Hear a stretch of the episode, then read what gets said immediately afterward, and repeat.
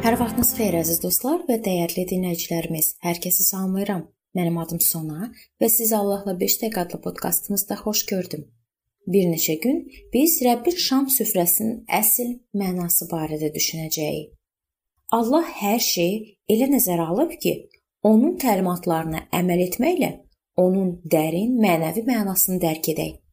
Buna görə də Rəbbin şam süfrəsinin mahiyyətini və mənasını bütün incəliyi ilə başa düşməkdə böyüməyimiz onu sevindirir.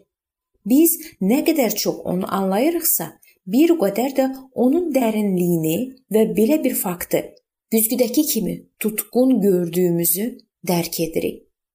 Birinci, Rəbbin şam süfrəsi bizə hamımızın günah edib Allahın izzətindən məhrum olduğumuzu bir daha xatırladır. Bu fikir Romalılara 3-cü fəsil 23-cü 26-cı ayələrdə yazılıb. Əlbəttə ki, kamil bir insan olmaq istərdik, amma bilirik ki, müəyyən bir vaxtda hamımız günah etmişik. Əgər günahsız olduğumuzu iddia ediriksə, özümüzü aldadırıq və daxilimizdə həqiqət yoxdur. Amma günahlarımızı etiraf ediriksə, Allah sadiq və ədalətli olduğu üçün günahlarımızı bağışlayacaq və bizi hər haqsızlıqdan təmizləyəcək. Əgər günahkar olmadığımızı iddia ediriksə, onda onu yalançı yerinə qoyuruq və daxilimizdə onun sözü yoxdur. Bu fikir 1-ci Yəhya 1-ci fəsil 8-10-cu ayələrdə yazılıb.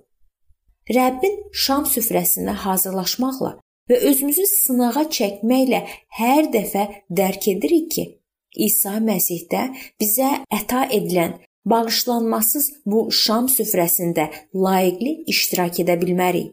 Amma ehtiyacımızı dilə gətiririk və o sadiq və salih olmaqla bizi bağışlayır və təmizləyir. Biz onda yaşamağımız və mömin olmağımız üçün lazım gələn hər şeyə malik oluruq. Məhəbbət bizim Allahı sevməyimizlə bağlı deyil, amma bundan ibarətdir. O bizi sevdi və öz oğlunu bizim günahlarımıza görə kəffarə qurbanı olaraq göndərdi. 1-ci Yəhya 4:10 İsa bizim günahlarımıza görə qurban gedib sülh və barışıq gətirdi. Efeslilərə 2-ci fəsil 12-ci ayədən 17-ci ayəyə qədər sonradan dəyişdirilən ümidsiz vəziyyətimiz təsvir edilir və imanlı adam ona İsa Məsih vasitəsilə əta edilən Allahın lütfünü, yəni Allahla sülhdə qalmağı hiss edir. Allahla barışmışıq və İsa'nın qanı ilə daha da yaxın olmuşuq. İkinci, Rəbbin şan süfrəsi bizim üçün qurban gedən İsa Məsihin həyatı barədə xatirədir. İsa bizi etdiyimiz günahlara görə ədalətli sayılan ölümdən xilas etmək üçün öldü. Əhd-i Ətiq bayramı olan Pasxa zamanı quzu, ola bilsin ailənin ən sevimli quzusu ölməli idi. Bunu Çıxış kitabı 12-ci fəsil 3-cü ayədən 6-cı ayəyə qədər baxa bilərsiniz. İsa Məsih bu obrazı oynadı və bizi xilas etmək üçün öz həyatını qurban verdi. Yəhya 10-cu fəsil 17-18-ci ayədə dediyi kimi, buna görə də Ata məni sevir. Çünki mən canımı qurban verirəm ki, sonra onu geri alım. Canımı məndən heç kəs ala bilməz, amma onu özüm verirəm. Onu verməyə də, sonra geri almağa da ixtiyarım var. Bu əmri atamdan almışam. İsa'nın istifadə etdiyi daha bir təsvir əkilən toxumla bağlı rəvayət idi. Doğrusunu, doğrusunu sizə deyirəm.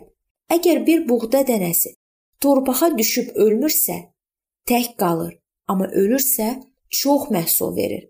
Yəhya 12:24. Eyni ilə toxum yeni həyat vermək üçün ölməli olduğu kimi, Məsih də əzabdan və ölümün bu kədərli saatından qaça bilməzdi. Çünki məhz bu məqsəd üçün o bu dünyaya gəlmişdi. Rəbbin şam süfrəsi onun ölümü barədə xatırlatmadır. Hər dəfə bu çörəyi yeyəndə və bu kasadan içəndə siz Rəbbin gəlişinədək onun ölümünü bəyan edirsiniz. 1-ci Korinfillərə 11 26. Şam süfrəsinin bizə verilən digər mənalarını biz növbəti görüşümüzdə araşdıracağıq.